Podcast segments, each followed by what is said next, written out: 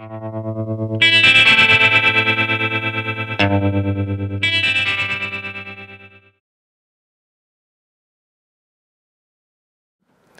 wiem ile będzie o ekologii, a na pewno będzie dużo o turystyce. Pewnie dziś ta ekologia będzie raczej na case'ach e, przechodzić, ponieważ z dwóch powodów. Pierwszy powód jest taki, że mamy bardzo mało wiarygodnych danych e, na poziomie globalnym.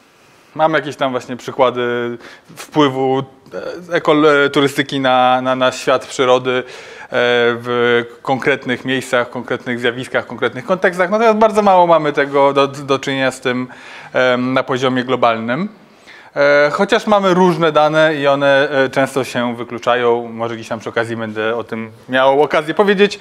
Na początek chciałbym jednak powiedzieć, zadać Wam pytanie, jak myślicie, w którym roku była pierwsza wycieczka turystyczna na świecie? Albo w którym wieku? Albo nie wiem, coś na ten temat. A nie jakieś starożytności? Pewnie jakieś tam, nie wiem, pielgrzymki czy inne. No ale taka turystyczna, stricte turystyczna, taka jak- jaką my znamy. No więc to był e, rok 1841, 5 lipca. E, gość, którego tutaj widzimy, który nazywa się e, Cook, Thomas Cook, mm, miał pewną wizję. To w ogóle był taki dosyć szalony typek, który, którego jakąś taką e, najważniejszą e, misją życiową, a trzeba powiedzieć, że on był nieudacznikiem, tak mniej więcej do 30 roku życia, e, była walka z alkoholizmem. E, No więc wymyślił, że żeby walczyć z tym alkoholizmem, e, zorganizuje e, wycieczkę z jednego miasta do drugiego brytyjskiego, odległość kilkanaście mil. Natomiast ta wycieczka charakteryzowała się tym, że miała wszystko jakby w cenie, w pakiecie. Tak? To było trochę takie all inclusive. Płacisz raz i masz w cenie przejazd, jedzenie, jakąś tam atrakcję turystyczną, e, przewodnika, wstęp na spotkanie abstynentów. A trzeba wiedzieć, że rzeczywiście alkoholizm był jednym z ważniejszych problemów XIX-wiecznej Anglii. E, no więc Thomas Cook zorganizował to, dogadał się z kolejami i zaproponował taką wycieczkę i w ciągu jednego dnia sprzedał wszystkie bilety i było ich 400 ileś miejsc w miejscowości, która miała chyba 2000 mieszkańców czy coś takiego. Natomiast to było skierowane do robotników, to było skierowane do zwykłych ludzi. Wcześniej ludzie podróżowali oczywiście e, na przykład, nie wiem, Grand Tour. Tak? Nie wiem, czy wiem, wiecie, co to jest Grand Tour, ale to są wyjazdy e, bogatych, XVIII-wiecznych, XIX-wiecznych, głównie e, arystokratów bądź burżuazji, e, gdzieś po świecie, żeby zdobyć takiej ogłady. W Pols z, polskich przykładów na przykład bardzo znaczący jest przykład słowackiego, który również na takiej to, że wyprawie był. E, siedział w, między innymi w Egipcie, e, wdrapał się na piramidę Cheopsa, wdrapał się za dużo powiedziane, go tam wniesiono, e, no i się na, na samym szczycie podpisał. Do tej pory gdzieś ten podpis tam jest. Zresztą potem napisał dwa wiersze na ten temat. Mm, No więc wracając do, do tego, że mieliśmy wcześniej do czynienia z jakimiś wyjazdami tego typu właśnie à la Grand Tour, Thomas Cook zorganizował pierwszą wycieczkę, która jest pakietowa, w jednej cenie dostajesz wszystko. To jest pierwsza rzecz, a druga rzecz demokratyczna, czyli robotnik. Stać na to zwykłego robotnika z Anglii, a nie jest to domena klas najwyższych. E, sprzedał szybko bilety, no i e, szybko się okazało, że na wyjeździe też można pić alkohol, więc jakby tutaj ten pomysł średnio wypalił. Wypalił za to pomysł organizowania pakietowych wycieczek i zaczął je coraz częściej organizować na coraz większą skalę. Po 10 latach był potentatem, który wynajmował największą liczbę kolei, wagonów rocznie e, z brytyjskiej kolei. Po 20 latach miał biura podróży we wszystkich ważniejszych stolicach europejskich. Mm, No i był również bardzo kreatywnym typem, który wymyślił kilka e, rzeczy, które znamy do dzisiaj, na przykład układ reklam. W ogóle jak, jak, jak, jak, wygląda reklama w turystyce, e, jakimi rodzajami haseł e, podlega. Mm, Również książeczki z rozkładami jazdy pociągów. Tak? Wcześniej nie było czegoś takiego. Mieszkaniec Londynu nie wiedział tak naprawdę, jak wygląda podróż z Paryża do Berlina na przykład. E, Thomas Cook e, zebrał te informacje i zaczął drukować. Również takie rzeczy, które już w tej chwili nie istnieją, ale istniały do mniej więcej połowy lat 90. XX wieku, czyli czeki podróżne. Tak? Zamiast brać gotówkę, brało się czeki podróżne, tak jak dzisiaj karty. To wszystko są wynalazki Thomasa Cooka. E, On również był dosyć ciekawy, jeżeli chodzi o rodzaje podróży. Mm, Po pierwsze, na przykład pierwszy, niekomercyjny, pierwszy komercyjny lot balonem nad kanałem La Manche.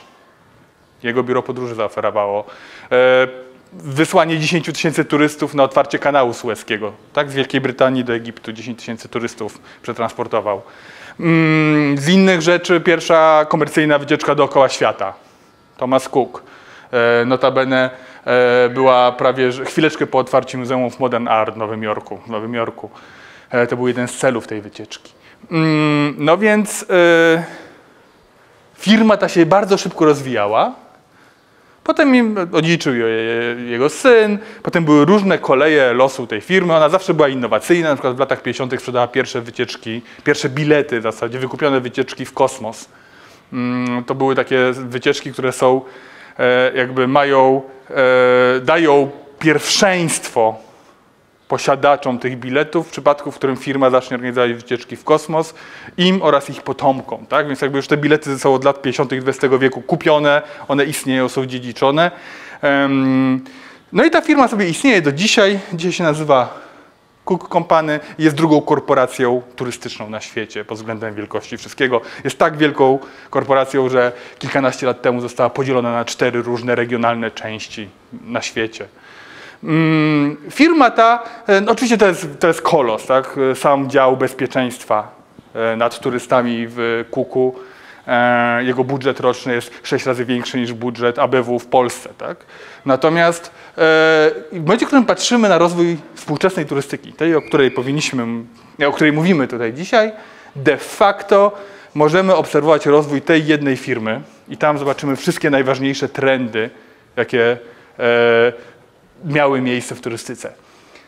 Mm, Zanim przejdziemy dalej, mam jednak kilka pytań. Jak myślicie, czemu w 1841 roku, czyli w połowie XIX wieku, akurat w Europie rozpoczęło się coś, co nazywamy turystyką? Jakie, co, temu, co temu pomagało, wspierało to?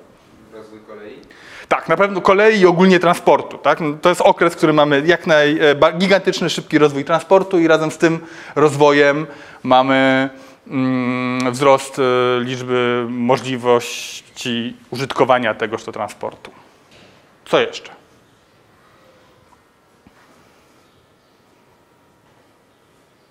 Kolonializm, tak? czyli świat bez barier e, administracyjnych, o wiele łatwiej de facto obywatelom imperiów brytyjskich czy francuskich było podróżować e, z punktu widzenia administracyjnego 150 lat temu niż teraz po świecie.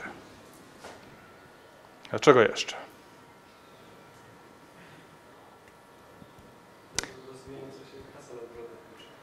z jednej strony rozwijając, w ogóle pojawienie się masowej klasy robotniczej, e, która wiązało się z tym, że ludzie na początku w ogóle w inny sposób podróżowali. Ze wsi do miasta. Tak? Masz, jakby to, to, to w ogóle zmieniło świat. Wcześniej ludzie żyli w małych wsiach i najdalej, co wiedzieli o świecie, to było tam, nie wiem, trzy wsie dalej, e, gdzie był jakiś, nie wiem, większy targ albo katedra. E, Natomiast e, w momencie, w którym e, ludzie opuszczali swoje domy, w których żyli z rodzicami, dziadami, pradziadami i tak dalej, i tak dalej, przenosili się do miasta, to troszeczkę odcinali pępowinę. Tak? Musieli, to znaczy jakby to był moment, w którym zmiany stylów życia na świecie były być może e, większe niż wraz z pojawieniem się internetu. Ale razem z tym pojawiło się również przyzwolenie do tego, żeby w ogóle podróżować. Tak? Wcześniej mieliśmy raczej ludzi osadłych, którzy żyli w tych swoich jakby takich bańkach kilkudziesięciu kilometrów kwadratowych. Em, Następnym krokiem było rzeczywiście w ogóle przyzwolenie na to, że można gdzieś zmienić na przykład miasto albo w ogóle gdzieś wyjechać. Em, Co jeszcze? Jeszcze pewnie tak jak ten, tak jak piłka nożna, czyli że, że Czas wolny, tak? Kategoria czasu wolnego. Tak? Zauważmy, że czas wolny jest wynalazkiem europejskim. E, Różne kultury w różnych miejscach na świecie różnie dzielą czas. Może być czas święty, czas zbiorów, czas nie wiem, jakieś tam e, łączenia się w rodziny. Różne kultury w różnych miejscach różnie sobie kategoryzują czas. W Europie nagle pojawia się kategoria czasu wolnego. Pojawiła się, to jest w ogóle pięknie powiedziane. Została wywalczona gigantyczną ilością protestów, ofiar śmiertelnych. E, trwało to 2-3 dekady, ale ten czas wolny się pojawił e, na początku mm, w tym wraz u zarania kapitalizmu przez jeden dzień w tygodniu, jako weekend z czasem. E, również zaczął się pojawiać w skali roku dla stałych pracowników, jakieś zwolnione kilka dni. E, I to jest jedna rzecz. Druga rzecz przyszła kilkadziesiąt lat później. Ten czas wolny został wpisany w prawo. Czyli już nie zależał wyłącznie od dobrego albo złego szefa, właściciela firmy, w której pracuje, czy fabryki, Mm, Natomiast był e, usankcjonowany prawnie. E, I potem z prawa europejskiego promieniował globalnie, stając się e, elementem praw człowieka. Tak? Prawo do wypoczynku jest elementem prawa człowieka. E, Więc mm, to jest być może jedna z najważniejszych rzeczy, kategoria czasu wolnego, która też pokazuje, że u zarania turystyki to było super europocentryczne zjawisko. Co jeszcze? Podpowiem. Pewien wynalazek, który zmienił myślenie ludzkie i który pojawił się dwa lata wcześniej. W dwóch miejscach naraz, we Francji i Wielkiej Brytanii, ale niezależnie został wynaleziony. W 1839. 100 lat przed wybuchem II wojny światowej. Co to mogło być? Podpowiem wam, że każdy z was to ma. Aparat fotograficzny. Tak? Aparat fotograficzny, e, który na tyle zmienił ludzkie myślenie, że e, zaczęliśmy inaczej myśleć jako ludzie. Wcześniej myśl, myśleliśmy w sposób e, wyobrażeniowy. Gdzieś podobno są jakieś wielkie piramidy, gdzieś tam wielki piasek, coś tam. Mogliśmy sobie to wyobrazić, na ile w ogóle mieliśmy takie możliwości. Ewentualnie z jakichś obrazów, nie wiem, fresek, czegoś. W momencie, w którym zaczęły pojawiać się obrazy, a to była bardzo szybka rewolucja, tak? znaczy od, pojawie, od wymyślenia aparatu do pojawienia się zdjęć w gazetach, to jest 10-15 lat. No więc e, bardzo szybko zaczęły pojawiać się obrazy, które zmieniły sposób myślenia, a zarazem e, w ogóle funkcjonowania mm, naszego e, mózgu z tej takiej świadomości wyobrażeniowej w myślenie obrazkowe. Oczywiście różni ludzie różnie myślą o rewolucjach w myśleniu. Kiedyś, kiedy opowiadałem o tym w, tutaj, Kiku, e, tylko że z grupą e, jakąś Akademii Trzeciego Wieku, e, w związku z tym starsze, wspaniałe, zazwyczaj panie wspaniałe, starsze, to były długie warsztaty, ośmiogodzinne, więc e, tam co chwileczkę któreś zasypiały, budziły się, no a tak sobie snułem różne opowieści, ćwiczenia i tak dalej. E, I nagle jedna pani powiedziała, no pan mówi tak pięknie o tym, że to jest takie ważne, ten moment zmiany myślenia ludzkiego, być może najważniejszy, ale bym chciała powiedzieć, że jestem socjolożką, już pani, no, wybitna pani, tak, 95 lat, ale ikona socjologii polskiej. Ja uważam, że jest jedna na pewno dużo ważniejsza dla umysłu ludzkiego e, rewolucja. No Więc tak się zastanawiam, co to może być. Myślę nad jakimiś wielkimi systemami wiary, coś tam, no, jakieś różne tego typu rzeczy, a pani mówi, pojawienie się kątów prostych. Tak? Żyjemy w świecie kątów prostych i mamy mnóstwo kątów prostych, które definiują i organizują nasze myślenie, które w świecie się pojawiły dopiero jakiś czas temu. Znaczy, to, to jest dosyć świeży wynalazek, kąty proste, które aż tak mocno się pojawiają. Tak, a de, facto definiują one nasze myślenie i, i je jakoś porządkują. No więc e, różnie to bywa z tymi wielkimi rewolucjami myśli ludzkiej. Em, Zmienia to kwestii, że mm, aparat fotograficzny był tutaj ważny. E, A ponieważ powstał dwa lata przed pierwszą taką klasyczną wycieczką turystyczną, to e, możemy powiedzieć zgodnie z prawdą, że turystyka i fotografia były pewnym tandemem, które się nawzajem nakręcały. E, nie byłoby takiej turystyki bez fotografii, jaką, o jakiej dzisiaj mówimy. E, I na odwrót. E, wiele trendów fotograficznych powstało specjalnie na potrzeby turystyki. To są takie dwie rzeczy, które, które są tandemem. E, zanim powiem co dalej, to oczywiście, jeżeli macie jakieś pytania, bo ja tak mogę gadać, gadać, gadać. Szymon o tym wie, bo miał ze mną zajęcia, więc jakby jak, jak zaczynam gadać, to, to jest po mnie, znaczy po was. E, ale jeżeli są jakiekolwiek pytania, ręka do góry, ja wtedy natychmiast kończę i odpowiadam na pytania, dobra? No więc mamy e, 170 kilka lat turystyki, e, która się rozwijała, której wcześniej nie było. Tak? Czyli sektor, który nie ma nawet 200 lat, jest dosyć świeżym sektorem, który powstał w Europie e, z różnych powodów, ale raczej takich, które pokazują, że to nie mogło powstać gdzie indziej i się rozwinąć w taki sposób. Tak? Czyli jest gdzieś europocentryczne. U zarania dziejów i potem się dopiero rozprzestrzeniał. Mm, A dzisiaj jest sektorem, który produkuje, e, kt- który tak naprawdę odpowiada za jedną, za e, miliard 360 milionów podróży turystycznych rocznie zagranicznych. Tak, tylko turystycznych zagranicznych mamy trochę ponad miliard 300 milionów. Ile mamy ludzi na świecie? 7 z hakiem, 7600 mniej więcej w tej chwili. To nie znaczy, że oczywiście każda osoba podróżuje, znaczy, że 1,3 miliarda ludzi podróżuje e, na świecie jako turyści. Dlaczego? No bo wiele ludzi może podróżować wiele razy, tak? Żeby podróżować, żeby być turystą, trzeba mieć dwie rzeczy jednocześnie. Jakie? I czas. A w zasadzie, i właśnie, trzeba mieć je jednocześnie. Także to nie jest prosta rzecz, jednocześnie mieć i pieniądze, i czas. Mm, No więc to e, powoduje, że znakomita większość ludzi na, tak, w naszym świecie e, nie może podróżować, co nie znaczy, że nie uczestniczy w sektorze turystycznym. Aż może pracować w tym sektorze, tak? Albo może być, mieszkać w okolicy, gdzie przebywają turyści. Więc w jakiś sposób uczestniczą w tym, co nazywamy turystyką, ale niekoniecznie są turystami, tak. Mi się wydaje, że obecnie można nie mieć pieniędzy i czasu, jak się podróżuje cudowo, to się prostu z turystyką też tak łączy, bo też się często programy gdzieś zapraszają, zwiedzają, pokazują i tak dalej. Słuchaj, no... E, Zgadzam się z tezą poza jednym słowem. Używaj słowa często. Nie, to nie jest często. Są takie, jest ten jeden z modeli turystyki, ale na pewno nie częsty i raczej bardzo elitarny. e, Myślę, że na poziomie mm, kilku procentów w ogóle ruchu turystycznego. Tak, turystyka biznesowa czy służbowa, chociaż na tyle duży, że jest to jeden z głównych sektorów turystycznych w Warszawie. Tak, dlaczego w Warszawie jest tak mało tanich hosteli i hoteli, a co chwileczkę bardzo drogie hotele albo wierowce, e, które są w połowie hotelami? Właśnie dlatego, że Warszawa jest na, w porównaniu do Krakowa na przykład nastawiona na turystykę biznesową o wiele bardziej niż na e, turystów e, weekendowych bo takich w Europie jest najwięcej. Mamy mnóstwo turystów, mamy e, kasę. Turystyka generuje 10% globalnego produktu brutto, tak? Czyli z każdego dolara na świecie 10% się kręci wokół turystyki.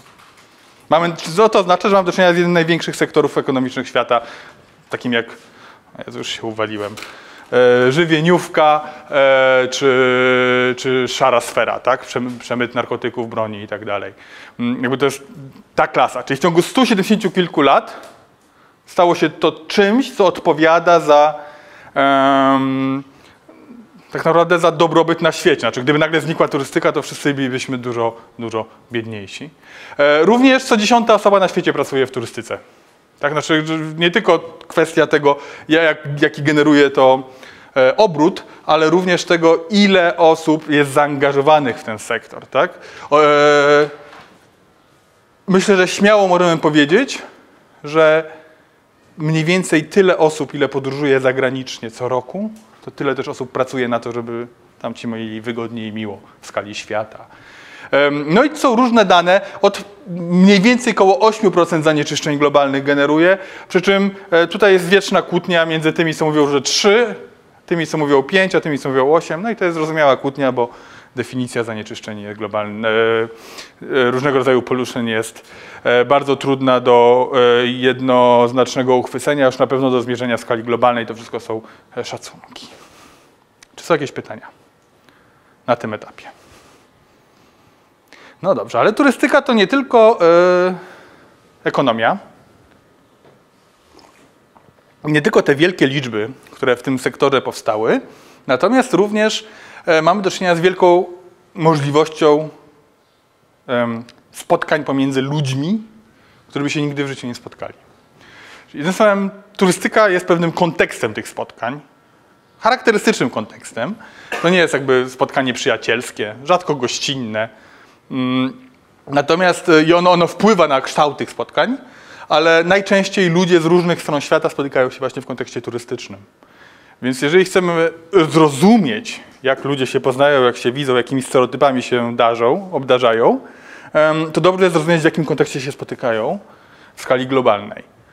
Mm, I to jest y, również bardzo ważny element turystyki, ponieważ turystyka jest nośnikiem pewnych idei. Tak? Politolodzy by powiedzieli, że jest soft power, czyli e, pewnym e,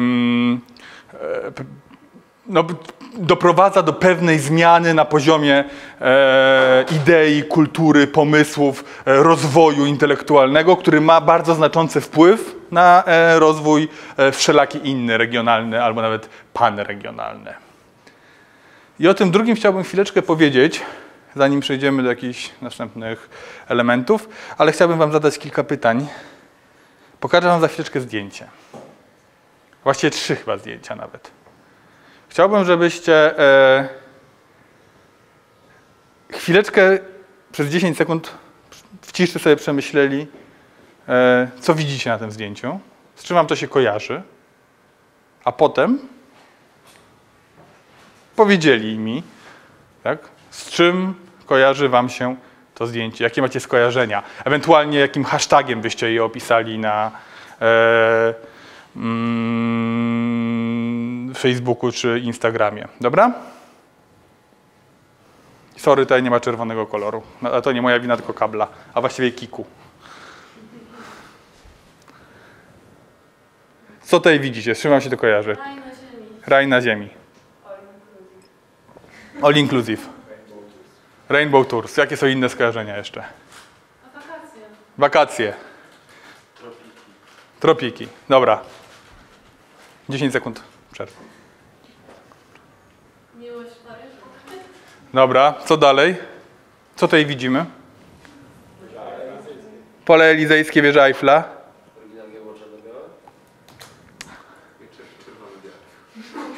Eee, chyba było czarno-białe w oryginale. Retro.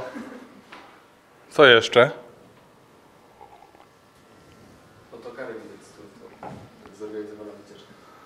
No, ci, co mają dobry wzrok, widzą też autokary. Dobra, ostatnie. Czas start. Sawanna. No, odpoczynek też, bo są kapcie. Słucham? Kusownik. Może być kusownik. Jaki hashtag, jaki tytuł byśmy dali temu zdjęciu? Super. Moim zdaniem akurat upojenie, czy tam spokój, bo sawanna wywołuje taki e, efekt uspokojenia. No chyba, że tutaj wychodzi ci jakiś gepard, tak? Gepard, 310 km na godzinę osiąga w biegu. Eee, nie, 110, przepraszam, 110 km e, na e, godzinę osiąga, e, więc ten spokój mógłby być zostać zaburzony. No. No tak, kapciuszki, herbatka. Dobra, e, chciałbym zauważyć, że e, z grubsza mieliśmy bardzo podobne skojarzenia. Tak? Znaczy, można byłoby jeszcze mieć kilka innych skojarzeń. Fototapeta. No, jest taka fototapeta kicz. Tak? Znaczy, jakieś, moglibyśmy troszeczkę z innego rodzaju e, zainteresowań e, znaleźć e, pewne e, skojarzenia. Natomiast to, co mamy takiego mm, wspólnego, e, znaczy inaczej, ale gdzieś te kojarzenia są wspólne. Mm, I prawdopodobnie, gdybym zadał te pytania e, przeciętnej klasie średniej, średnio wyższej w Polsce, Japonii czy w Argentynie, czy w RPA, system skojarzeń byłby podobny. Widzielibyśmy tutaj bardzo podobne rzeczy, mm, ponieważ w jakiś sposób zostaliśmy e, do tego wychowani. Natomiast kilka ciekawych rzeczy. Padło tutaj słowo raj przy tym zdjęciu. Czy Niech podniesie rękę do góry ten, kto myśli, że, ma, że to jest zdjęcie wyspy. Raz, dwa, trzy, cztery, pięć, sześć, siedem, osiem, dziewięć, dziesięć, jedenaście, dwanaście, trzynaście, czternaście osób, czyli zdecydowana większość uważa, że to jest wyspa. Ja nie wiem, czy to jest wyspa, czy nie. To może być równie dobrze jakikolwiek e, plaża kontynentalna. Natomiast siłą rzeczy, kiedy widzimy plażę i palmę, to uruchamia nam się skojarzenie w głowie raj i wyspa. Dlaczego uruchamia nam się w głowie skojarzenie raj i wyspa, kiedy widzimy plamę, e, palmę i plażę? Bo tak, w latach 20. zostały zaprojektowane reklamy Bali. Tak? Wyspa Bali sobie zamówiła największą kampanię marketingową w XX wieku w dziejach historii, żeby tak skonstruować system skojarzeń, który potem był kopiowany przez wszystkie inne raje wyspiarskie, właśnie sama ta nazwa, tak? Em, Natomiast jest to de facto produkt marketingowców, ten typ skojarzeń, e, że tutaj widzimy raj albo widzimy tutaj wyspę. Mm, W konsekwencji E, większość z nas widzi to samo, chociaż e, nie zawsze, bo kontekst jest dosyć ważny. Kiedyś pokazałem to zdjęcie w Giżycku w 2015 roku w listopadzie i nieomylnie pokazałem je jakieś mniej więcej 6 dni po zamachach terrorystycznych w Paryżu e, w listopadzie 2015. E, I e, jakoś nie, nie zarejestrowałem tego, że ta czerń i biel, która e, jest charakterystyczna dla romantyczności, tak, dla romantyzmu, bo w ten sposób często się pokazuje romantyzm, czerni, bieli, w retro, ewentualnie jakieś czerwone serduszko gdzieś tam albo coś. Również jest charakterystyczna dla śmierci. E, I zazwyczaj wiele grup, wiele dziesiąt, mogę powiedzieć wiele set grup i tutaj widzi romantyczność. W tym przypadku pierwsze skarżenie to było śmierć. E, Zresztą bardzo słuszne, ale to pokazuje troszeczkę inny kontekst. Jeszcze innym kontekstem jest nasze własne doświadczenie. Być może ktoś z Was mieszkał w Paryżu, jadał tam, to jego pierwsze skojarzenia będą zupełnie inne. Albo jest em, historykiem konstrukcji żelaznych i wie coś, czego my nie wiemy o e, jakichś spoiwach. Tak? To jego pierwsze skojarzenie to, że coś tutaj jest takiego fajnego, ciekawego i to jest w ogóle coś wow. Em, nikt z nas nie miałby takiego skojarzenia. Mogą być również pewne ponadindywidualne systemy skojarzeń. Jak się analizuje blogi Afroamerykanów, e, podróżników, podróżnicze blogi, e, no to e, takie zdjęcia i w ogóle idea safari to nie kojarzy nam się z, zazwyczaj nie jest opisywana jako odpoczynek, jako mm, nie wiem, luksus, fajna wycieczka, tak? tylko nad wyraz często jest tutaj wplatany aspekt kolonialny czy postkolonialny, mówiący o tym, że e, jednak e, takie safari czy fotosafari wzięło się z polowania na zwierzęta, które jeszcze wcześniej e, miało koneksję z polowaniem na ludzi, na niewolników i tak. A później e, w czasie polowań na zwierzęta ci różni zniewoleni e, byli tutaj e, wyłącznie służącymi. W związku z tym ta historia doświadczeń, nawet nie rodzinnych, tylko jakichś takich, nazwałbym to e, tożsamościowych, ale głęboko historycznych, tak? bo wiele Afroamerykanów nie ma pojęcia skąd oni są, tak? skąd przybyli ich przodkowie, z której części Afryki e, przybyli, to też jest eufemizm. Em, Natomiast mamy do czynienia z tym, że te zdjęcia, albo na przykład, nie wiem, zwiedzanie zamków niewolniczych na zachodnim wybrzeżu Afryki kojarzy się inaczej. I my to po trochę rozumiemy, bo trochę inaczej patrzą na na Warszawę wycieczki z Izraela niż wszystkie inne wycieczki.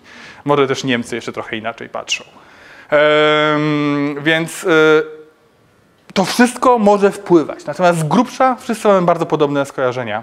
Te pierwsze, te takie najbardziej trywialne, banalne. E, I bierze się to stąd, że wszyscy operujemy turystyczną wyobraźnią. Turystyczna wyobraźnia to jest taki, e, taka skłonność do postrzegania różnych rzeczy w e, taki sam sposób, bardzo często e, zaprojektowany wcześniej. Natomiast kiedy my podróżujemy, kiedy wy podróżujecie, to tak naprawdę odbywamy dwie podróże jednocześnie. Pierwsza podróż to jest ta podróż fizyczna. Pocimy się, w związku z tym śmierdzimy, męczymy się, jesteśmy głodni, smakujemy sobie coś, e, widzimy, opalamy, znaczy jakby czujemy to, tak? E, empirycznie to doświadczamy. Drugi rodzaj podróży to jest podróż, która jest głęboko gdzieś tam w naszym systemie skojarzeniowym. Tak, my cały czas to, co widzimy, to, co czujemy, zderzamy z tym, co wiemy, czego oczekujemy, co myślimy o podróżowaniu. W związku z tym od tego, jak jest zaprojektowana ta nasza turystyczna wyobraźnia, zależy to w wielkim stopniu, jak odbieramy całą tą podróż fizyczną. Kiedy ktoś nas pyta, jak było, to w zależności od tego, jakie mieliśmy, jak mieliśmy skonstruowane nasze oczekiwania, jak mieliśmy skonstruowane nasze wyobraźnie na temat danego miejsca, powiemy, że było super, tak? albo było do niczego. Ale bardzo ważne jest to, jak, e, jak jest skonstruowana turystyczna wyobraźnia. I dlatego chciałbym teraz zrobić z Wami małą zagadkę, e, a właściwie małe ćwiczonko, które nam pokaże mniej więcej, jak w turystyce projektuje się turystyczną wyobraźnię. Kto jest narratorem tej turystycznej wyobraźni? Żeby nie przyszło nam do głowy, że to my jesteśmy tacy genialni. Nie, tak? Znaczy to, co my myślimy, jakby ktoś to po coś stworzył. Pytanie po co? Spróbujemy sobie na ten temat odpowiedzieć. Wyobraźmy sobie, że zabieram Was zaraz do, do Laosu. Gdzie i chciałbym, żebyście przed wyjazdem do Laosu czegoś się dowiedzieli. Tak, lecimy jutro, ale chciałbym, żebyśmy się czegoś dowiedzieli o tym Laosie, gdzie jedziemy, tak? Bo prawdopodobnie większość z Was nic nie wie o Laosie. Do jakich źródeł będziecie sięgać? Wypiszmy sobie listę źródeł. Gdzie będziecie szukać informacji o Laosie? Wiki, blogi pewnie. blogi pewnie. Zwłaszcza jak się pisze w Google, w wyszukiwarce, to... Czyli jakieś przewodniki, którzy byli w Laosie. Znasz kogoś? Ja byłem, do mnie mógłbyś się zgłosić. Kto jeszcze?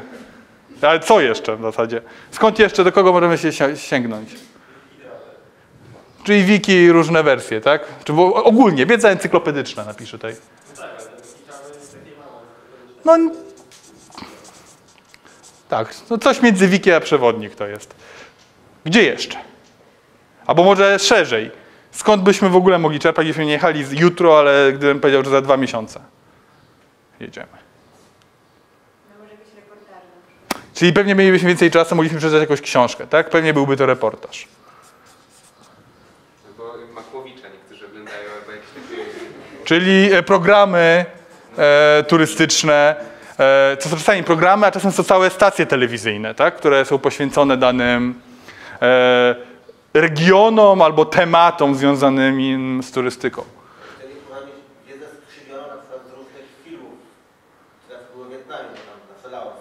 Czyli e, nazwałbym to e, ogólnie filmy czy popkultura, tak? E, no i rzeczywiście, oczywiście, że jest skrzywiona, tak? Trochę tak jakbyśmy jechali z Sienkiewiczem do Egiptu. E, natomiast e, to w nas zostaje, tak? Znaczy jakby siłą rzeczy, nawet jeżeli możemy się śmiać z, e, w pustyni i w puszczy, to, e, to często jest na przykład pierwsze poważne spotkanie człowieka z Afryką. On nie wie nic o Afryce, poza murzynkiem Bambo i nie wiem czym jeszcze.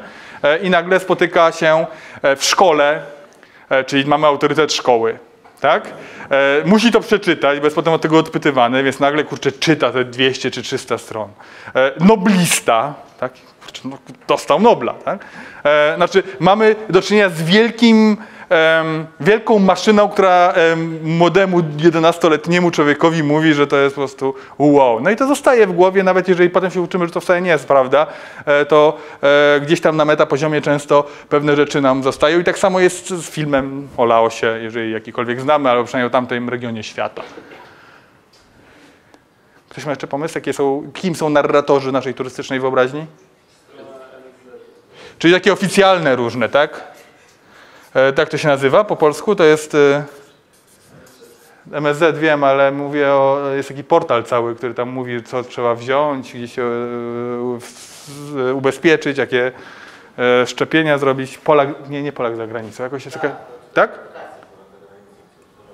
Ale tak jakoś zmienili ostatnio, mam takie wrażenie. No nie wiem, nie, nie będę się wysławiał, natomiast ogólnie jak tam się wchodzi, to 90% świata jest informacja, że uwaga, nie jechać, bo coś nam grozi.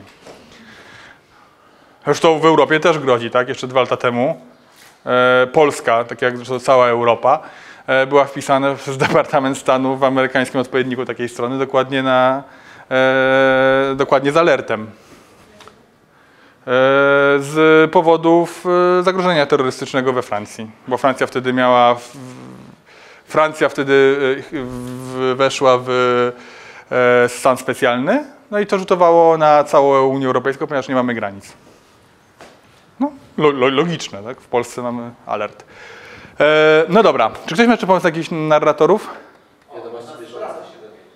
Jeszcze raz, wiadomości i coś ktoś mówił w tym samym... Tak, wiadomości. Stary, ty byś zapytał jakiegoś generała, który tam jeszcze, wiesz... pracy, pracowałem w MSZ-cie, to robiliśmy ewakuację ambasady z Hanoi i do Laos między innymi. To gratuluję. E, W Laosie mamy jakieś 300 km dróg asfaltowych. Em, łatwiej kajakiem byłoby to ewakuować przez Mekong. No więc...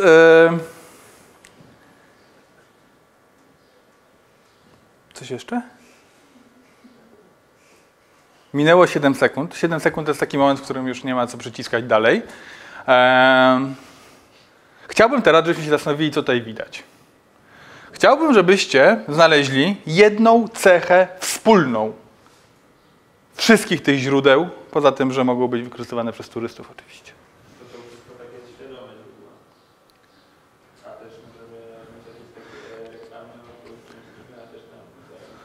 Dobra, dopisuję reklamy. Reklamy, foldery turystyczne i tak dalej. No, dalej. Jedna cecha wspólna. To ktoś zrobił, a No, a nie ty, ale kto? ktoś, kto tam był. Ktoś, kto tam był. Co to oznacza? Idąc dalej tym tropem? No i on napisał swoje wrażenia. Że to, że to pewnie nie jest od tej tubylcy, tak? Tak, że to jest perspektywa zewnętrzna. Wszystkie te źródła nie zostały napisane przez Laotańczyków, bo nikt z nas nie ma pojęcia o żadnym reportażu, w ogóle żadnej książce napisanej przez Laotańczyka, nigdy pewnie nie była przetłumaczona na język polski. E, No, nie, to w ogóle nie jest perspektywa Laotańczyków. Cała ta opowieść o Laosie, z której my byśmy mogli korzystać, jest perspektywą zewnętrzną. Perspektywą stworzoną przez kogoś, kto tam był, kto się zna albo nie zna e, i kto dopiero nam o tym czymś opowiada. Ale w ten sposób dochodzi do jednego z najważniejszych zjawisk w turystyce. Do obcięcia języka. Tak? Opowieść w turystyce, która kształtuje naszą turystyczną wyobraźnię, tak? obcięła de facto Laotańczykom języki. Oni sami o sobie nie mogą mówić. A to jest dosyć istotna rzecz, móc mówić samemu o sobie. Bo e, bardzo rzadko jest tak, że e, ci, co mówią o nas, mówią w pełni to, co my byśmy chcieli, żeby o nas było powiedziane.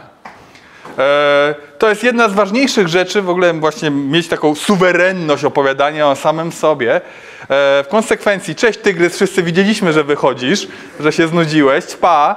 E, żartuję, e, tłumaczył mi, czemu go nie będzie. E, no więc to jest bardzo ważna rzecz, żeby móc, móc mówić o samym sobie, podczas gdy większość opowieści w turystyce jest opowieścią zewnętrzną. Robiłem e, lata temu badania w Indonezji, między innymi e, badałem przewodniki turystyczne. Mm, gdzie są przewodniki? E, z których korzysta znakomita większość turystów jadących do Indonezji. E, no i e, badając te przewodniki, e, ich zbadałem 39, w sumie było chyba 47 czy 57 autorów tych przewodników, e, z których korzysta tam 80 ileś procent turystów jadących do Indonezji. I jak myślicie, ilu z tych wszystkich autorów to byli Indonezyjczycy? Zero. Ani jeden. A ilu z tych wszystkich autorów to byli autorzy, którzy mieli pochodzenie z, nie ze świata anglosaskiego, tak? czyli Wielka Brytania, Stany Zjednoczone, Australia. Dwóch. Francuz i Rosjanin. Tak, gdzieś tam się znaleźli, zabłąkali. Jednym słowem, znakomita większość turystów. To były przewodniki e, między 2007 a 2017 rokiem, tak? czyli dekada odwiedzania Indonezji. E, znakomita większość przewodników e, wiedzy, e, którą mają turyści, jest tworzona przez, akurat w tym przypadku, anglosasów, tak? perspektywę anglosaską. Często imperialną i tak dalej, i tak dalej, ale obecnie jaka to jest perspektywa? Jest to perspektywa wywodząca się z jednej kultury, z jednego sposobu opisywania świata i myślenia o świecie. Te same przewodniki były tłumaczone na wszystkie języki. No nie wiem, Lonely Planet jest tłumaczone na dwadzieścia kilka języków chociażby. Tak? Największe wydawnictwo przewodników po świecie. E, co za tym idzie? Mm, to, że obcina się języki e, lokalsom w turystyce e, jest jednym z najważniejszych cech turystyki, ale też nie dotyczy wyłącznie takich dalekich od nas stron, jak na przykład Laos. Mam do Was pytanie. Zróbmy takie ćwiczenie. Jakiś czas temu w przewodniku Lonely Planet po Polsce, nie tej ostatniej edycji, tylko jakiejś tam jednej z wcześniejszych, e, były takie top, chyba top 5, o ile pamiętam, e, informacji, e, co warto w Polsce zwiedzić, czego doświadczyć. Takie wiecie, creme de la creme. Co było według Was na miejscu pierwszym? Przewodnik był pisany przez Australijczyka. Albo może inaczej. Co Wy, gdybyście mogli pokazać milionowi turystów, tak? Bo to jest jakby taka masa rażenia. E, I powiedzieć, że to jest właśnie takie fajne, polskie e, i tam należy skierować ten milion turystów, to co wy byście pokazali? Jestem ciekaw, jeżeli ktoś zgadnie i połączy to z tym, to ma u mnie em, dobre piwo. Nie, nie, nie na przykład Puszcza Białowieska. nie. Ale na dwójce było e, coś powiązanego z Puszczą Białowieską, mianowicie e, spróbuj wódki żubrówki. Lemongrass. Doświadczenie, ale to było jedyne chyba doświadczenie, ta wódka żubrówka, więc reszta to jest pokazanie. Miejsce, to jest miejsce jakieś. Ale właśnie my, my jesteśmy teraz tymi Australijczykami, czy... czy... Nie, jesteście Polakami co byście chcieli pokazać, a ja, jeżeli zgadniecie, że przy okazji to się złoży z tym, że to jest numer jeden na w największym, najważniejszym przewodniku na, e, światowym o, e, o Polsce, no to macie u mnie piwo. Jeszcze raz? Nic z Chopinem. Słucham? Nie Auschwitz, nie Kraków. Też nie. Ale to jest miejsce. Żadne góry. Nie ma Mazur. Bulwary Wiślane. W ogóle nie ma nic w Warszawie. Nie jest to maczuga Herkulesa. Milion turystów. Top jeden w Polsce. Nie, w żadnej gór tam nie ma. Nie, w ogóle żadnego wybrzeża tam nie ma. Jeziora też nie. Żadne Mazury, żaglówki, nic. Co? W jakimś mieście? Tak, to jest miejscowość. Jest ta góra. Nie.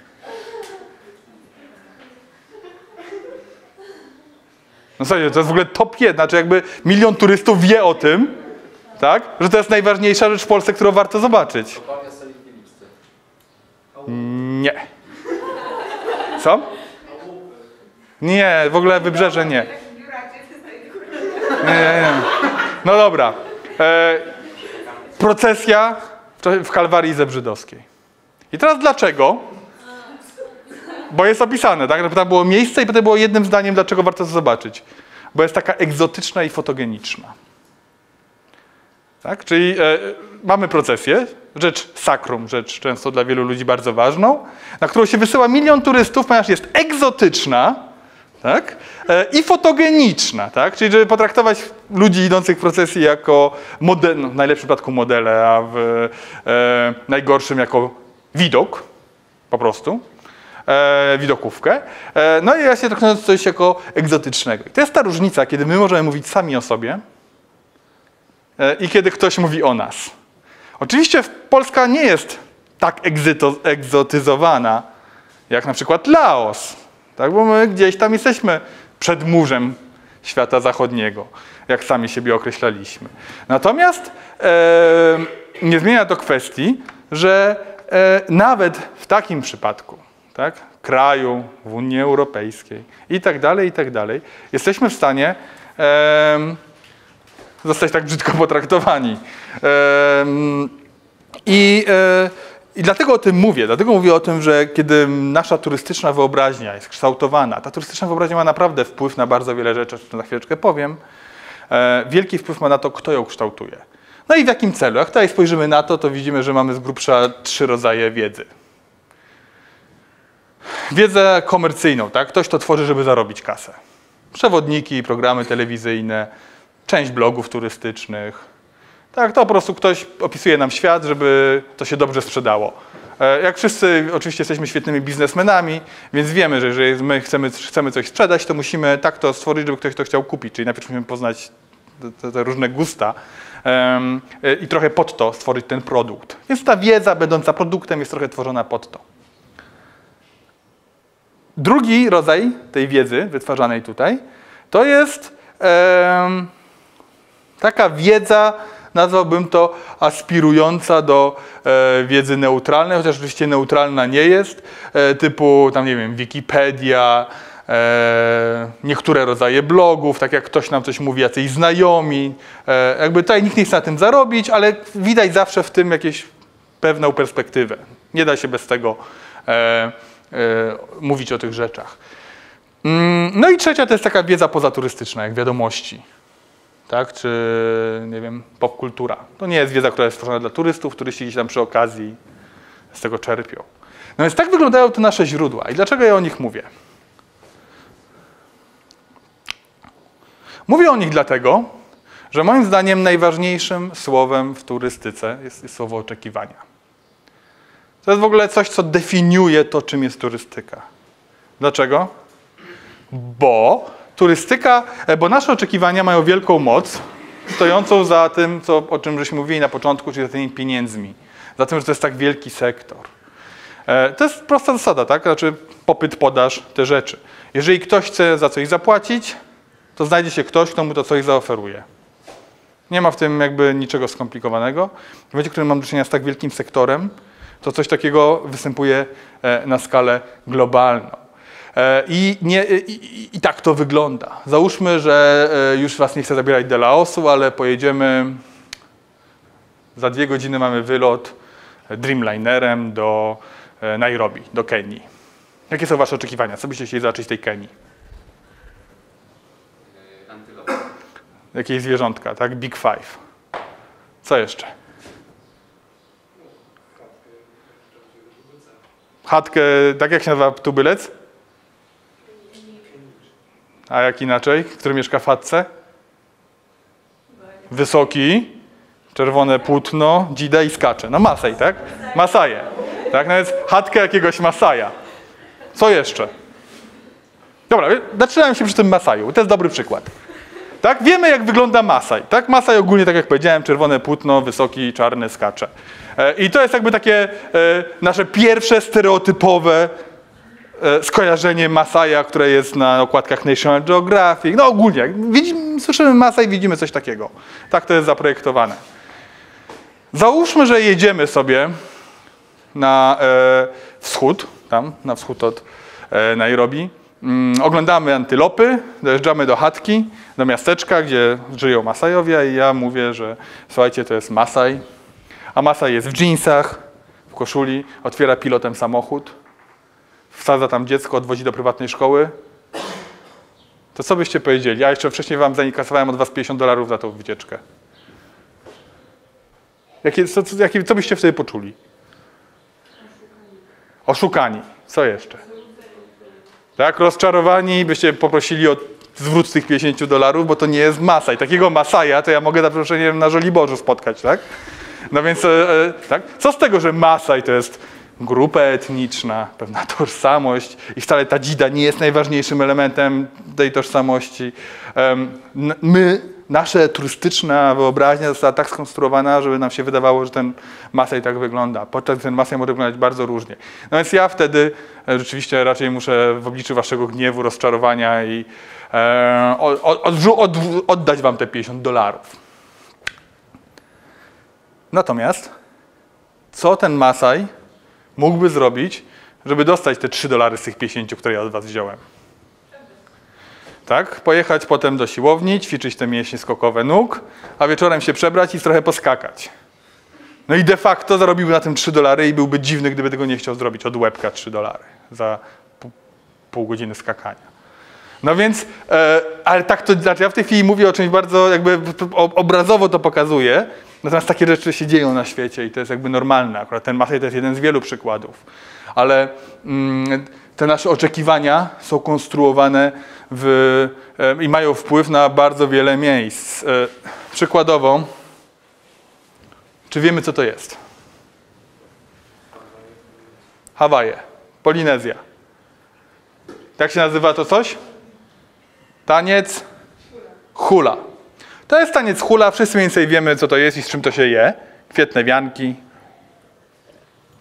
i tak dalej. E, ale mało kto wie o tym, że taniec hula e, to był tak naprawdę e, forma modlitwy. Forma, wielki rytuał sakrum, w którym dźwięk instrumentów, instrumenty, dobór instrumentów, słowa, ruch, wszystko było ściśle skodyfikowane. Jedna mała pomyłka groziła gniewem absolutu. Natomiast e, w pewnym momencie w tamten rejon świata przybyli kolonizatorzy. Za kolonizatorami przybyli misjonarze.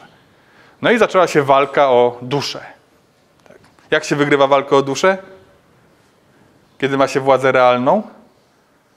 Zakazuje się tej drugiej religii pod groźbą taką czy inną. No i rzeczywiście zakazano lokalnych wierzeń, one zniknęły e, na Hawajach. e, Przetrwały tylko gdzieś tam bardzo, bardzo daleko i to też na jakichś peryferiach.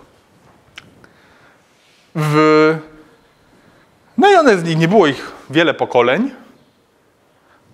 aż w latach 50. Hawaje stały się stanem Stanów Zjednoczonych.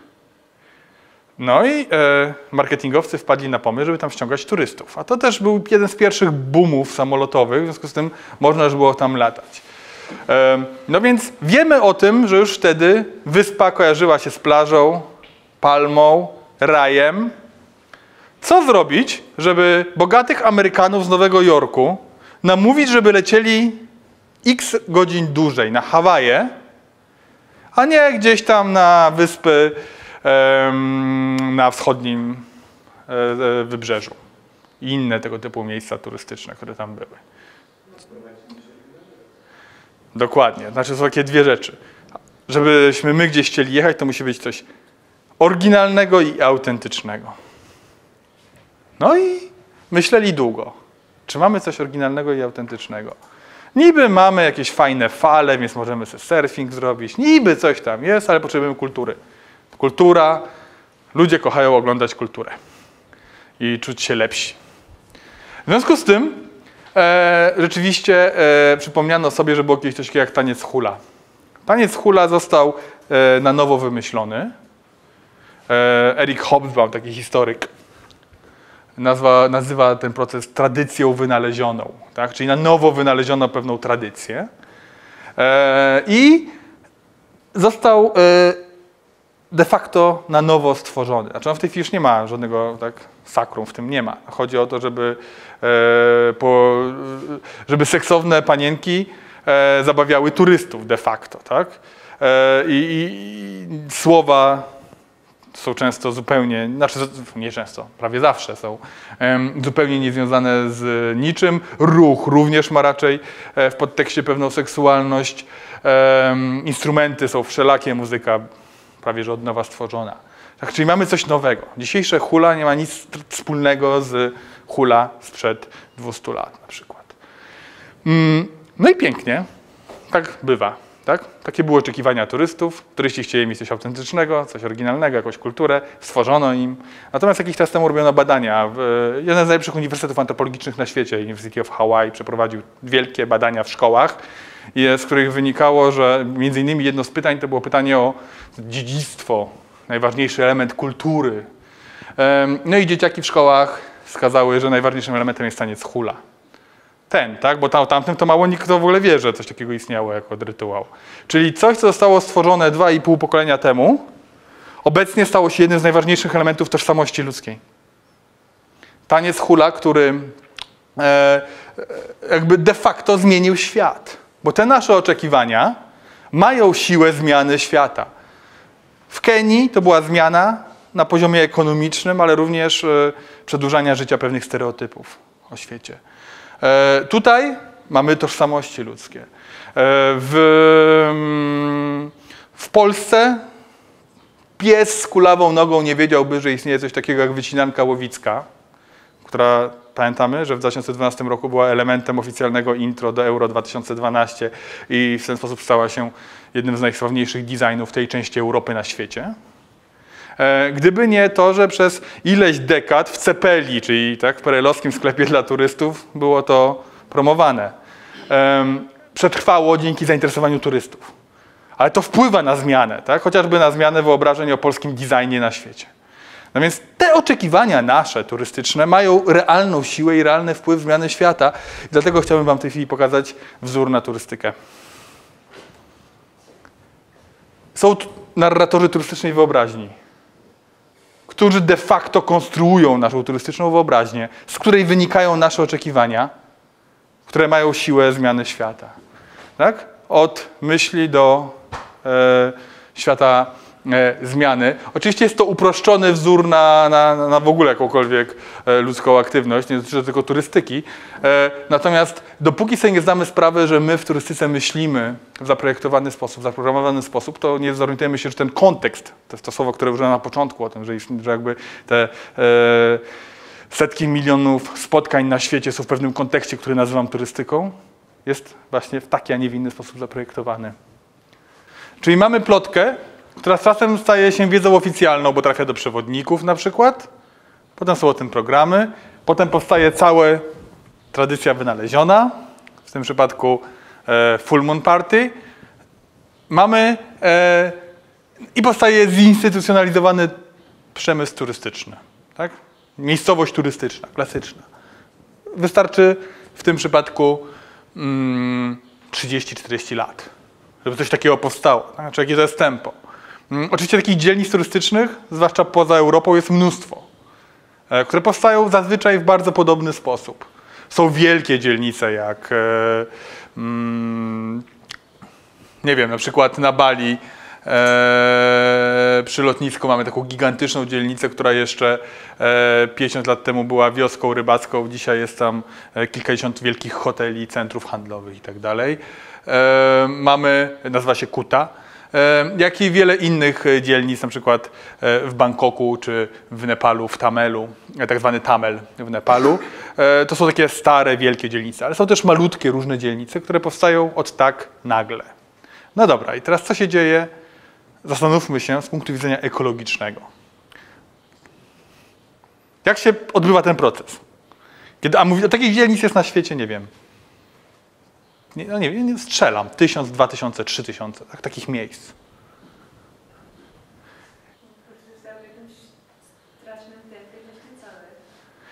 No pierwsza rzecz to jest to tempo, tak? Kiedyś, e, kiedy mam do czynienia e, z jakimś e, miejscem, gdzie żyją ludzie, ja na przykład robiłem badania w takiej, ja robiłem, byłem w wielu takich dzielnicach turystycznych, ale e, robiłem też badania w kilku, ale między innymi robiłem w Indonezji ostatnio w takiej dzielnicy Prawiro Taman w Jogjakarcie, to jest takie miasto kulturalne, taki Kraków Indonezji. E, Tam jest taka dzielnica, e, gdzie nagle właśnie, tak, gdzie, gdzie mieszkało ileś ludzi i z czasem zaczęli przyjeżdżać turyści, domy, fabryczki zamieniały się w hotele, w związku z tym e, nagle z pięciu, ośmiu osób było 80 osób, nagle na trzech ulicach powstało kilkadziesiąt tych hoteli, no i mamy dzielnicę turystyczną. Co trzeba mieć, żeby zapewnić takim turystom e, możliwość bycia w fajnym miejscu turystycznym?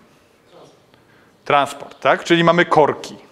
Niesłychane korki w okolicy tej dzielnicy turystycznej. Co dalej?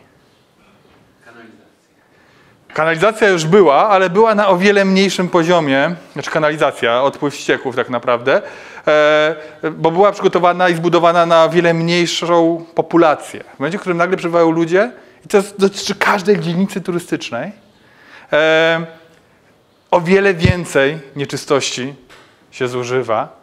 E, no i bardzo często jest to tak, że te nieczystości nie trafiają tam, gdzie powinny trafiać, że te systemy są niewydolne, a co za tym idzie, śmiem twierdzić, że w tym przypadku, akurat kanalizacji, takie dzielnice dla backpackerów są o wiele większymi bombami ekologicznymi niż wielkie, wspaniałe hotele all inclusive, które od początku były zbudowane na konkretną liczbę gości. I systemy sanitarne były przystosowane do konkretnej liczby gości. Czyli były wydolne. Tak? Czyli zwykli backpackersi w tym przypadku są o wiele większymi szkodnikami niż turyści jadący do Egiptu na all inclusive. Co dalej? Wyżywienie. To jest akurat większy problem em, w przypadku dzielnic turystycznych powstających na takich miejscach jak wyspy czy e, przy wsiach. Ale rzeczywiście e, z czasem mm, rolnictwo siada w okolicy. A dlaczego siada? Bo zwiększa się pobór, pobór wody. Tak?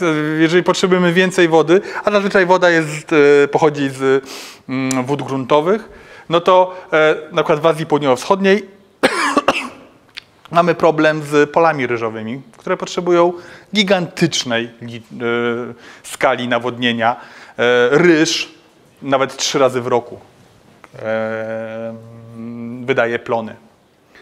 E, A, a tam trzeba to zalewać, potem znowu się suszy, zalewa się. Znaczy jakby to, to jest duża woda. Jeżeli padają wody gruntowe, to e, obniża się poziom, no to wiadomo, że zaczyna być z tym problem. Zaczynają być suche plamy dookoła. Tak? Jeszcze gorzej, jeżeli w okolicy powstanie pole golfowe na przykład.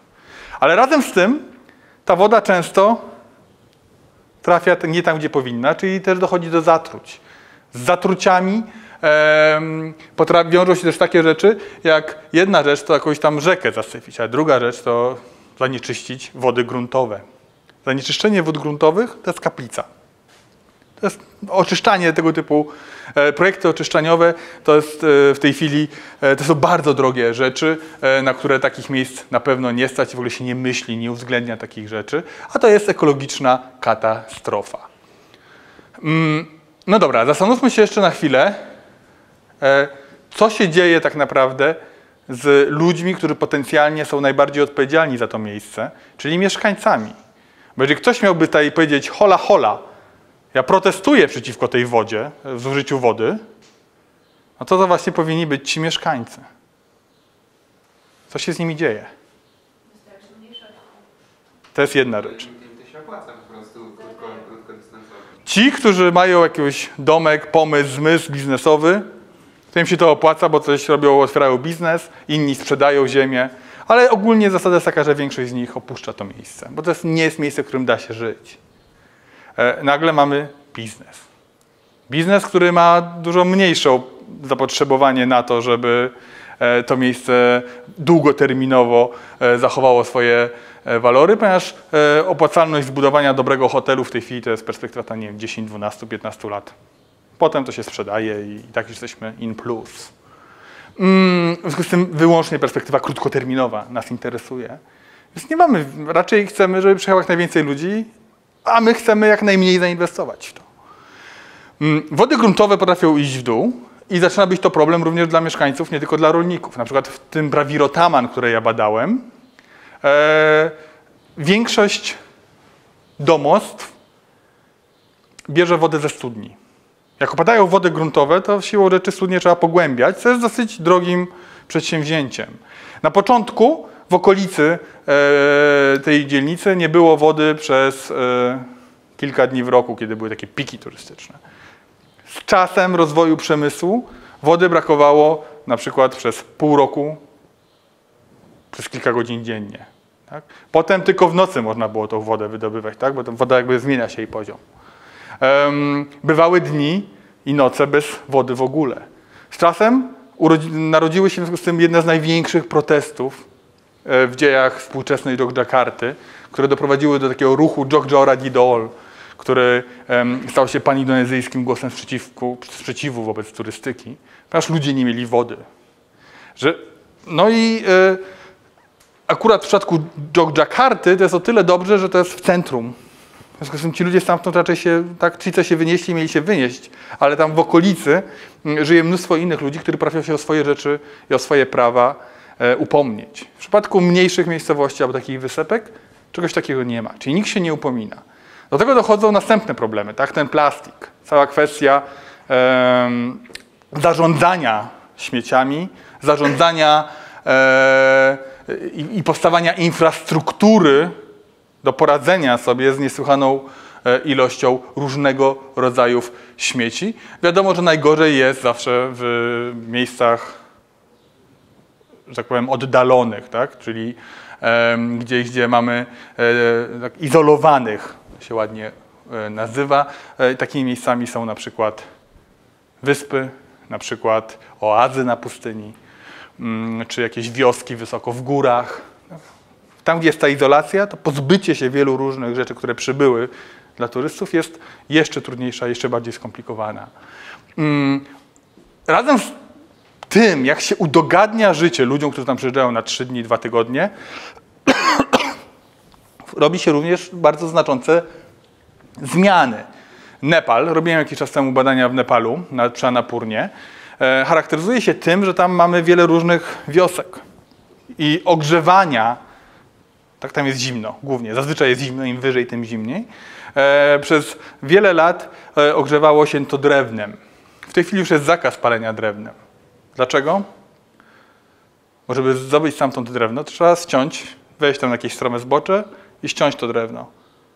Ale to drewno pełniło niesłychanie istotną funkcję dla e, bezpieczeństwa życia ludzi, którzy tam mieszkają. Mianowicie, kiedy spadały lawiny, one się zatrzymywały na lasach. Jeżeli nie było tych lasów, no to te lawiny spadały dalej i stawały się realnym niebezpieczeństwem. Natomiast im było więcej turystów, tym więcej tego drewna musiało zostać wycięte.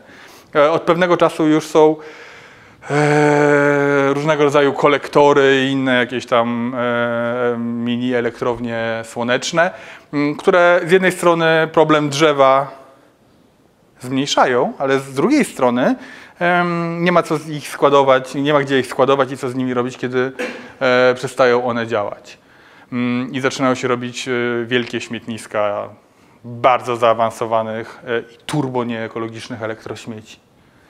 Mm, I takich zjawisk oczywiście bardzo dużo. Nie wiem, wszyscy, wie, nie wiem czy wiecie, nie wiem czy pamiętacie w ogóle to jedno z największych tsunami ostatnich 100 lat, kiedy zginęło tam chyba 200 tysięcy ludzi e, w, na, Su, na Sumatrze i na wybrzeżu, e, między innymi mm, e, w Azji Południowej, Wschodniej, tam Malezji i e, tej, tej mm, Tajlandii. Pamiętacie to? Było takie tsunami jakieś 10 lat temu mniej więcej. To tsunami byłoby dużo mniejsze, gdyby nie wycięcie różnych e, palm namorzynowych, drzew i innych takich rzeczy, e, które były przy wybrzeżu. A wycinało się je z dwóch powodów. Po pierwsze, po to, żeby był ładniejszy widok z hotelowych pokojów. Tak? Fajnie mieć widok na plażę. No. Po drugie, dzięki temu można było robić hodowlę jakichś tam krewetek i innych świństw, e, które, mm, które w ten sposób się tak hoduje tak dla turystów. Było zapotrzebowanie na owoce morza. W konsekwencji, jak tsunami uderza, w, to normalnie się zatrzymuje na tych drzewach i zmniejsza e, siłę. Jeżeli tego nie ma, wchodzi w ląd jak w masło. Realny skutek 200 tysięcy ofiar. E, I jakby to jest najważniejszy powód, dlaczego w ogóle do tego doszło. Mm, takich przykładów, takich case'ów jest bardzo wiele. I jest ich tak dużo, między innymi dlatego, że turystyka zaczęła się na masową skalę rozwijać w latach 50., 60., a na przełomie lat 80. i 90. wraz z upadkiem e, mm, czerwonej kurtyny przyspieszyła, a potem następny element przyspieszenia to był świat, to był internet, to były tanie loty, e, czyli już e, pierwsza dekada XXI wieku. Mm, Wraz z tą masą zaczęto bardzo szybko rozwijać w danych miejscach, w danych przestrzeniach takiej czy innej formy turystyki, nie bacząc na ekologię, ponieważ to nie był czas, w którym ekologia była jakimś najważniejszym czymś. Znaczy to, to jeszcze była inna wrażliwość społeczna. Do dzisiaj w wielu miejscach ta wrażliwość nie jest na tyle ważna, żeby móc w sposób odpowiedni chronić. E, nie wiem, zamykanie szlaków w Tatrach na kilka lat to są projekty ostatnich lat. Em, Kiedy zdano sprawę, że e, idzie się szlakami, które mają wydeptane pół metra, tak? I to jest kwestia tylko wydeptania. Ale to wydeptanie wpływa na wszystko, tak? na, na, na po- połowę ekosystemu, na ruchy migracyjne zwierząt i tak dalej, i tak dalej, i tak dalej. Mm. Rozwój turystyki, masowej turystyki, był szybszy niż rozwój e, myślenia i technik dbania o przyrodę. W tej chwili pewnie żyjemy w świecie, w którym gdybyśmy mieli do czynienia z takim rozwojem e, i takim przyrostem turystów, jak mieliśmy do czynienia w, przez ostatnie 50 lat, e, nie doszłoby do wielu e, takich sytuacji, jak przykład ta wyspa Hadrin. Są takie w ogóle kraje, które w ogóle nie wpuszczają turystów. Nie mam tutaj na myśli Korei Północnej, bo tam nie chodzi o ekologię, ale na przykład Butan bardzo mocno ogranicza liczbę turystów rocznie poprzez bardzo wysokie kwoty wstępu, tak tam 250 dolarów za dzień trzeba zapłacić państwu, żeby móc w ogóle wjechać, no i się ma przewodnika, nie można zobaczyć stras i tak dalej, i tak dalej. Mm, Są miejsca, które dopiero się otwierają dla turystów. Myanmar, tak, Birma. To ostatnich 5 lat to jest ten boom turystyczny. I tam od początku myśli się w niektórych miejscach już o tym, jak to robić ekologicznie. Oczywiście nie wszystkich, nie wszędzie, ale się o tym myśli. Są kraje, które e, na przykład zabetonowały sobie połowę wybrzeża, jak Hiszpania. Dzisiaj cierpi z tego powodu. Tak? Bo jakby to była zła polityka. Natomiast e, byliśmy spóźnieni i w ten sposób, poza tymi różnymi pollution i innymi tam, nie wiem, gazami cieplarnianymi, o których się mówi, które rzeczywiście turystyka generuje ich dosyć dużo, e, o wiele ważniejsze jest to, żeby, znaczy nie wiem czy o wiele, ale równie ważne jest to, żeby patrzeć na konkretne miejsca turystyczne, które, e, które się zmieniają nie tylko społecznie i ekonomicznie, o ekonomii żeśmy dzisiaj nie mieli czasu, żeby porozmawiać, ale mm, również w kontekście ekologicznym. I teraz pytanie do Was, co z tym zrobić? Jak temu zaradzić? Jest kilka case'ów, żeśmy tak przeszli sobie, ale to jest tylko kilka case'ów, które można reprodukować na, no, na- w każde miejsce na świecie. Tak? W Polsce nie mamy jeszcze klasycznej dzielnicy turystycznej, ale powoli e, w Krakowie nam taka wyrasta. Świadomość. Czyli edukacja. Dobrze, Roz, zastanówmy się, zawsze się stawimy nad edukacją, ale co jeszcze można robić poza edukacją? Zawsze działa, jak ludzie muszą więcej zapłacić, to to mniej skłonni do robienia. Na przykład, tak jak robią No dobra, ale w tym przypadku tak naprawdę sprawia, że turystami mogą być tylko najbogatsi. No, bo, jakby to jest trochę problem, że po prostu tych turystów jest za dużo, no. Tak? Że w momencie, kiedy jakby miliard ludzi na świecie przyjeżdża gdzieś, no to jak ostrożni by nie byli, no to i tak zaczęły też... Czy wiadomo, że masa zawsze wpływa na to? No tak, no jak światowe dni młodzieży, no też zrobiły wielki plaże, były zasypane. Więc, y, Ale jak na skalę tak, globalną albo państwową, co można robić poza edukacją?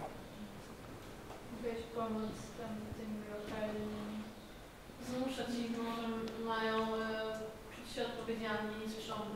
e. Zmuszać, czyli regulacja. Znaczy, ja się zgadzam, tak? Ja, o, moja odpowiedź jest taka, że są dwie ścieżki, które muszą iść równolegle.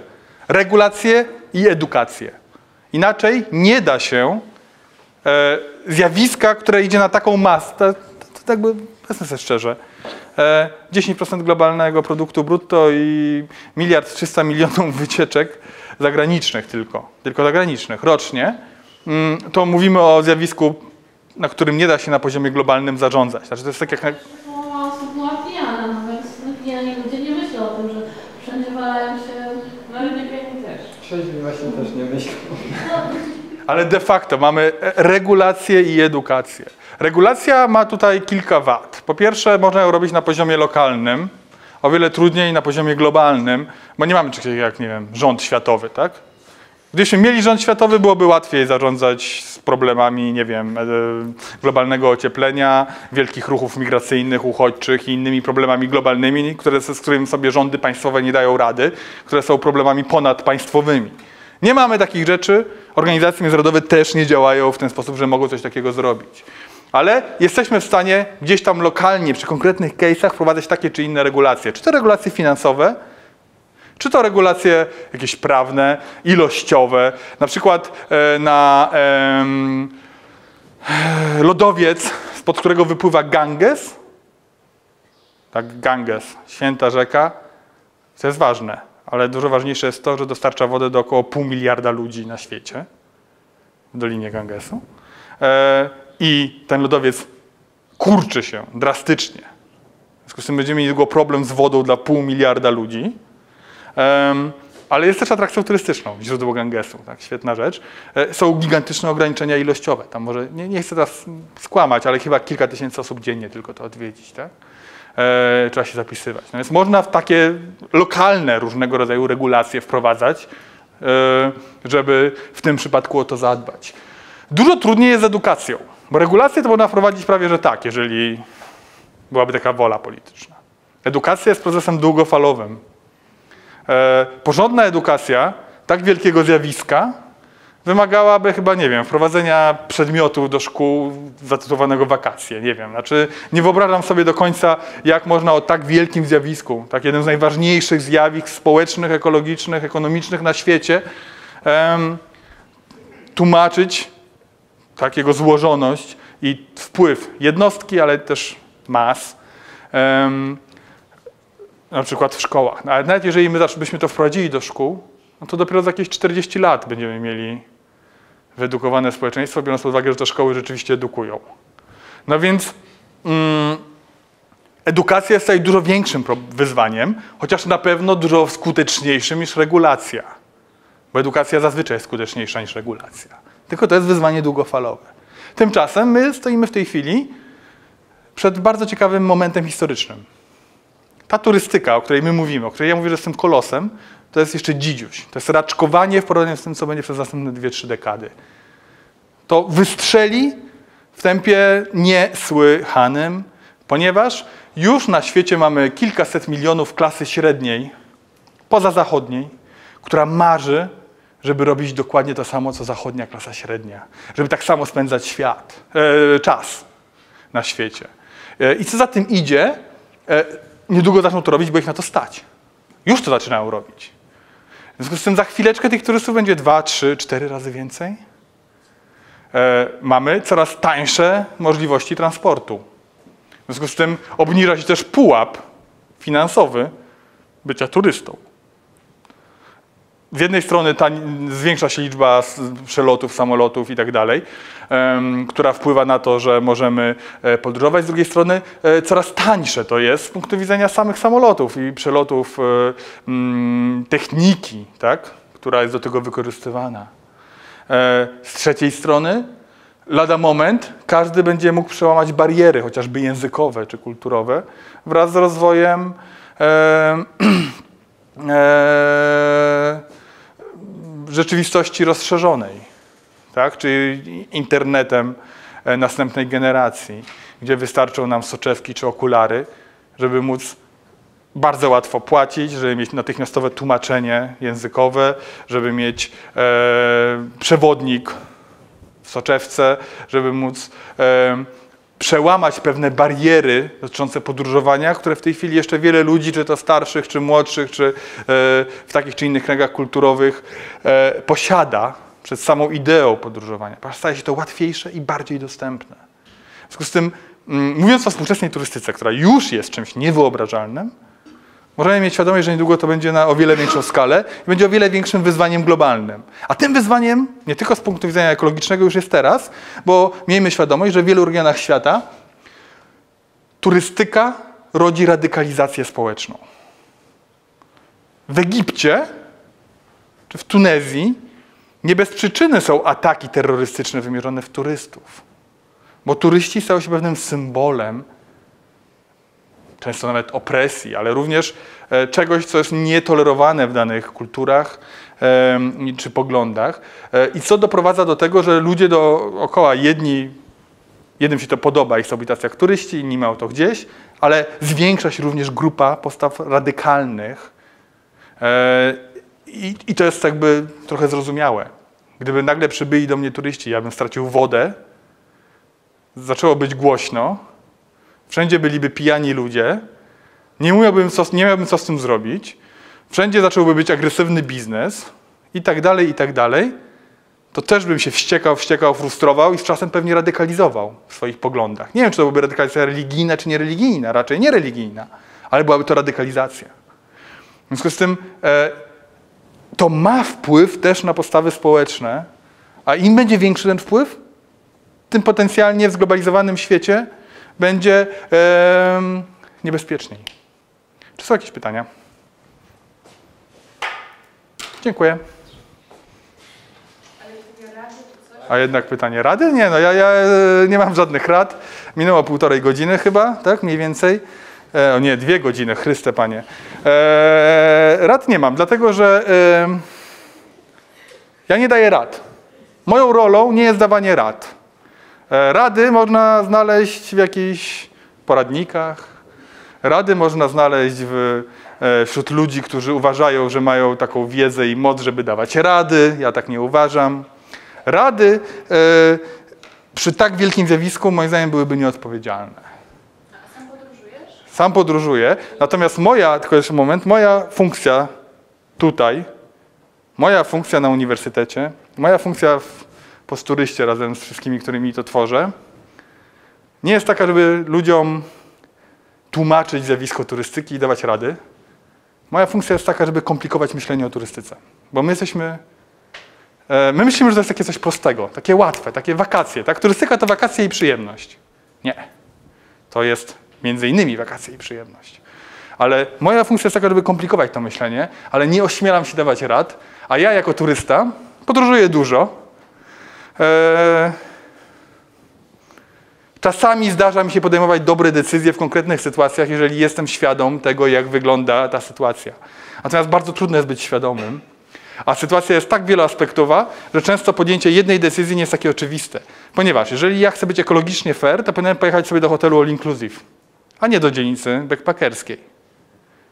Ale w tym samym momencie jestem ekonomicznie nie fair, bo pieniądze z hotelu all inclusive wyciekają z tego miejsca, one tam nie zostają. One nie pracują dla lokalnych ludzi.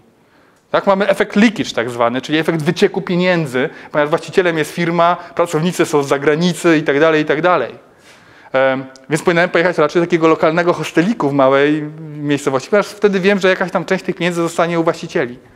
Ale ci sami właściciele spuszczają wodę do rzeki. I co? Teraz mam wybrać kwestię ekologiczną czy ekonomiczną? Każdy z nas samemu musi tę decyzję sobie przetrawić, znając kontekst, umiejąc zobaczyć jeszcze wiele innych aspektów tego i mając świadomość, że nie ma decyzji dobrej i złej w 100%. Dlatego ważne jest to, żebyśmy byli świadomi i świadomie kształtowali swoje mm, podejście etyczne, pamiętając o tym, że oczywiście nie ma czegoś takiego jak etyczna turystyka. Bo systemów etycznych na świecie jest wiele. A mówiąc o etycznej turystyce jako zjawisku globalnym, musielibyśmy przyznać, że jeden z nich jest ważniejszy, bo jakiś tam dobór etyczny, e, czy e, uznanie, że coś jest ważniejsze albo mniej ważne, e, jest uniwersalne. Etyka nigdy nie jest uniwersalna. No, osoby na przykład, które żyją stricte zero waste uważają, że to nieekologiczne lecieć gdzieś samolotem do innych krajów. Mamy piękną Polskę i to jest bardziej ekologiczne, nie jest ten ślad. Może to być pytanie, czy chcieli chcemy zmuszać ludzi do takiego heroizmu, jak nie latanie samolotem, jeżeli uznają, że to jest terroryzm. No no właśnie, że nie byłoby radą, żeby nie podróżować, jakby nie, nie chceć tych wszystkich Indonezji, no ale... e, Ale jest to trudne, tak? A już na pewno nie jest to e, możliwość stworzenia ruchu masowego. Są to pewne indywidualne wybory dla ludzi, dla których rzeczywiście taki radykalizm, bo to jest też forma radykalizmu, jest e, mm, ważna z etycznego punktu widzenia i ja na przykład zachęcam do tego. Znaczy ja uważam, że rzeczywiście e, e, czasami jest lepiej zostać w łóżku, włączyć sobie Netflixa e, i e, Po prostu tam, gdzie możemy gdzieś komunikacją przejechać, nie, nie musimy z Warszawy do Gdańska e, samolotem, to jedźmy pociągiem. No, chodzi o takie, rowerem. takie de- decyzje, że mamy zawsze wybór. Ja się zgadzam, tylko że prawdopodobnie, e, znaczy to nie znaczy, że my jesteśmy zero waste. Bo ten pociąg powstał gdzieś, jakieś surowce do tego powstały. Znaczy ja jakby chciałbym, żeby to było jakby zrozumiałe na takim poziomie, że e, elektroniczny samochód, elektryczne samochody, tak? Ale nie ma gorszego syfu w Polsce niż elektryczne samochody. Bo na przykład energia pochodzi z węgla. A jeżeli energia pochodzi z węgla, to de facto wyprodukowanie energii, którą my możemy wpakować w ten elektryczny samochód, jest w linii prostej gigantycznym zanieczyszczeniem. W Niemczech co innego. Tam fajnie mieć elektryczny samochód. Ale jakby tutaj cały czas chodzi o świadomość. E, bateria, kobalt pochodzi z Kongo. Kupując elektryczny samochód, wspieram wojnę w Kongo. Czy mam jeździć dieslem? Niekoniecznie. Nie mówię, że to jest y, lepsze. Tylko pokazuję, że dzielenie rzeczy na dobre i złe nie jest rozsądne, e, jeżeli miałbym dać jakąś radę, ale ja nienawidzę dawać rad, tylko raczej e, trzeba próbować świadomie kształtować swoją wiedzę, żeby móc wybrać mniejsze zło. O. Czy jakieś pytania? Albo inna moja koleżanka, która uważa, że to właśnie to bardzo radykalne, żeby nie wybierać się gdzieś samolotem. I że ona zawsze gdzieś e, leci do Ameryki Południowej, próbuje też się tam później na miejscu transportować e, transportem komunikacyjnym też chce edukować ludzi na temat ekolo- ekologiczny, więc jedzie z misją. tak. No, znaczy nie, no, to, no, są różne sposoby i ważne jest to, żebyśmy byli. E, mm, żeby to było zgodne z naszym systemem etycznym, tak, jakikolwiek by on nie był, e, bo e, nie ma uniwersalnego. Natomiast e, zgadzam się, znaczy jakby edukacja jest ważna. E, Przelot samolotem z Warszawy do Nowego Jorku mniej więcej produkuje tyle zanieczyszczeń co rok naszego życia, z wszystkich innych activities. E, No więc rzeczywiście jest to straszny syf. E, Z drugiej strony nie ma, znaczy jest mnóstwo danych, ale bardzo mało danych, które by pozwalały jednoznacznie pewne rzeczy określić dotyczące tego, jak, jaki to ma wpływ. E, Na przykład wydaje się, że wszystkie dane dotyczące globalnego ocieplenia, jakie są, są e, zbyt e, konserwatywne. W sensie, że jeszcze do niedawna mówiono o tym, że to tempo jest dużo wolniejsze niż jest teraz. Znaczy, że zbyt optymistyczne. Tak, zbyt optymistyczne są. W sensie, znaczy nie, zbyt, e, znaczy inaczej, zbyt w takim znaczeniu, że szybciej. Mamy do czynienia z tym zjawiskiem dużo szybciej niż jeszcze 10 lat temu się wydawało, że mamy z nim do czynienia. Tak, ale to, okazuje, to pokazuje, że te 30-50 tysięcy badań wykonanych na przełomie wieku XX i XXI się pomyliły. Więc możemy oczywiście ufać tym badaniom teraz, ale to nie zna, znaczy jakby chcę tylko pokazać, że tutaj cały czas żyjemy w pewnym, w pewnym w pewnej iluzji, w pewnym błędzie e, pełnego zaufania e, i e, bałbym się jakiejkolwiek formy radykalizmu, mając świadomość tej iluzji.